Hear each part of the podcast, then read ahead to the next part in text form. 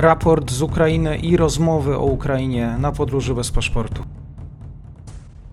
Dzień dobry wszystkim słuchaczom. Dzisiaj zapraszam Państwa na wyjątkowy format, coś innego, coś czego jeszcze na podróży bez paszportu nie było. Gdy świat obiegły wstrząsające zdjęcia ukraińskie ukazujące rosyjskie zbrodnie w podkijowskiej Buczy, na ulicę Berlina wyjechała karawana prawie 450 samochodów z flagami Rosji, a także ZSRR. Zapraszam Państwa do wysłuchania wywiadu pani redaktor Aleksandry Fedorskiej z Gizinę Dornblut, niemiecką dziennikarką znaną publicystką publicystką, specjalistką do spraw rosyjskich, która pracowała w Moskwie. Do usłyszenia.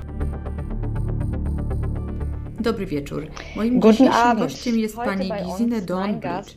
Ona jest specjalistką od spraw rosyjskich, była wiele lat sama w Moskwie, pracowała tam jako korespondentka. Dziś porozmawiamy o tych protestach prorosyjskich w Niemczech. One miały miejsce zarówno w zeszłym tygodniu, ale także poprzedzający weekend, te duże protesty w Berlinie, w ostatni weekend głównie Hanower, Stuttgart i Frankfurt. Proszę panią, kim są ci ludzie? Ci, którzy teraz spacerują, jadą po ulicach niemieckich miast z samochodami z flagami rosyjskimi, ale po części także z flagami UdSSR. To są ludzie z jakimś powiązaniem, pochodzeniem rosyjskim czy nawet sowieckim. Często są to ludzie rosyjskojęzyczni, ale czasami, chociaż rzadziej, nie mają oni nic wspólnego stricte z Rosją, w tym ścisłym słowa znaczeniu. W Niemczech mamy dużą grupę tak zwanych przesiedleńców. To są osoby, które przyjechały do Niemiec z byłego Związku Radzieckiego. Tylko część z nich pochodzi ściśle z Rosji bo wielu przyjechało do Niemiec z Kirgistanu lub Kazachstanu. Ale to, co mają wspólnego, to wspólny język, to znaczy język rosyjski jest ich językiem ojczystym. Ale często nie mieszkali oni w ogóle ściśle w Rosji, ale są pod wpływem tego kraju ze względu właśnie na język. Chodzi tu o kanały telewizyjne, mówię o telewizji państwowej, ale to, co uważam za coraz ważniejsze, to są informacje poprzez kanały społecznościowe, na przykład grupy na WhatsAppie. Trzeba też wyjaśnić, że nie chodzi tylko o tą grupę, bo mamy jeszcze osoby, które przybyły do Niemiec jako Żydzi. E, to miało miejsce jeszcze w czasach Związku Radzieckiego, ale znacznie więcej osób przybyło w latach 90. No i ich członkowie rodziny to nie są koniecznie Żydami. Podobnie sprawa się ma z tymi przesiedleńcami. Ich rodziny nie są Niemcami. Oni są więc nadal pod wpływem spraw związanych z Rosją i ze Związkiem Radzieckim. Ale to, co jest bardzo ważne, no, trzeba podkreślić, że oni są tylko mniejszością. To jest tylko mniejszość tych znacznych grup. Niestety w Niemczech nadal panuje takie podejrzenie czy mniemanie, że przesiedleńcy są może bardziej prawicowi, że są oni fanami Putina.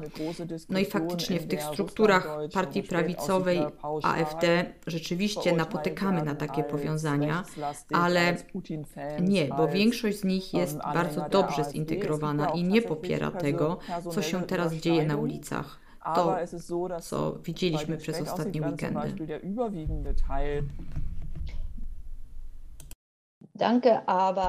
Dziękuję, ale Niemcy są jedynym krajem z krajów zachodnich, gdzie mamy do czynienia właśnie z tym zjawiskiem. Faktycznie, aktywny udział w tych protestach ma nie więcej niż tysiąc osób ale no jednak te wydarzenia przecież się nawarstwiają. Chciałabym się dowiedzieć od Pani, jak to wygląda z Pani perspektywy. Czy to znaczy, że opinia publiczna, może także my jako media, popełniliśmy jakieś błędy? Czy przegapiono też coś po stronie rządowej? Jakie błędy popełniono, że jesteśmy teraz świadkami tego, co się dzieje? I to nawet po makabrycznej inwazji na Ukrainę.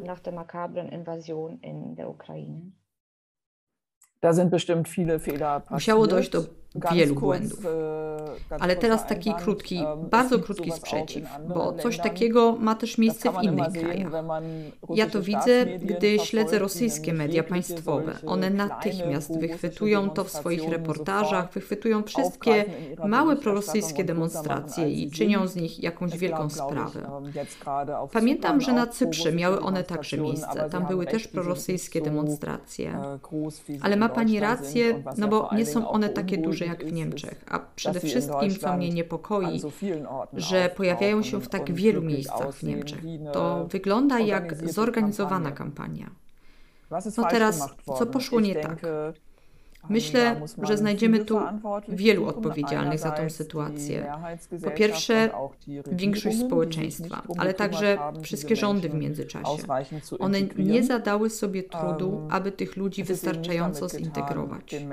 Nie chodzi tu tylko o podstawowe potrzeby życia, jakąś pracę.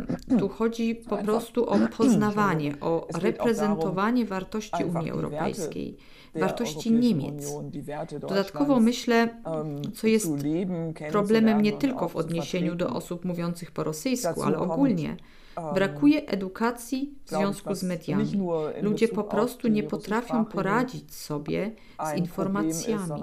Są zalewani informacjami, oferowane są im olbrzymie ilości różnych informacji za pośrednictwem różnych kanałów, na przykład media społecznościowe. Tu są poważne zaniedbania. Mówię o zapewnieniu tego w edukacji szkolnej. To musi ma mieć miejsce. Chodzi o system demokratyczny Republiki Federalnej Niemiec. Jak on działa? Jak się to przeżywa, jaką rolę odgrywają w tym media. A jeśli już mówimy o przesiedleńcach, to ci dobrze zintegrowani za długo się nie odzywali. Oni byli po prostu, no może nie chcieli zwracać na siebie uwagi, siedzieli cicho.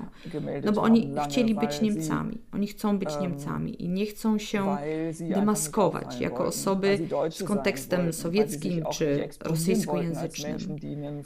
Rozumiem, jako dobrze zintegrowana osoba, może ktoś, kto się nawet urodził i rodzice pochodzą z Syberii, może ten ktoś mówi już tylko po niemiecku, może zna rosyjski tylko przez rodziców, może tylko pasywnie, no można zrozumieć, że niekoniecznie taki człowiek chce mieć coś wspólnego z tymi innymi, z tymi ludźmi, no ale prawdopodobnie jest to problem, trzeba zwrócić na to uwagę. Jako Rosjanie, jako ludzie z Rosji w Niemczech, ci, którzy są dobrze zintegrowani, oni powinni zabrać głos.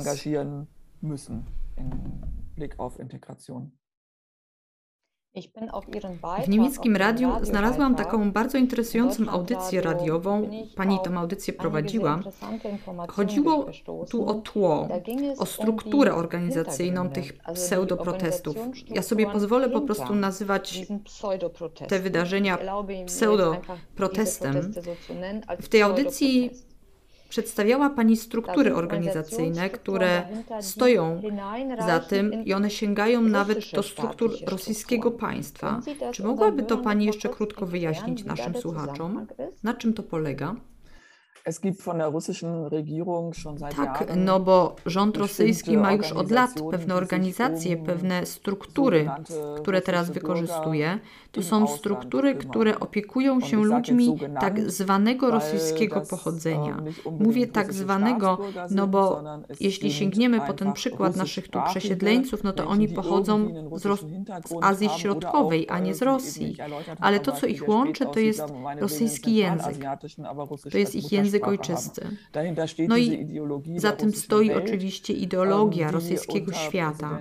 Ona była masowo promowana przez prezydenta Putina, który sięgał po te wszystkie struktury, organizacje. No i też to, no, rząd rosyjski jakby czuł się odpowiedzialny za tych ludzi. Jest to, opiera się to wszystko tak jakby na współpracy z Rosją. To są dobrze finansowane agencje i one korzystają także ze struktur starych, na przykład z dawnych sowieckich domów kultury, bo one przeszły we własność Federacji Rosyjskiej.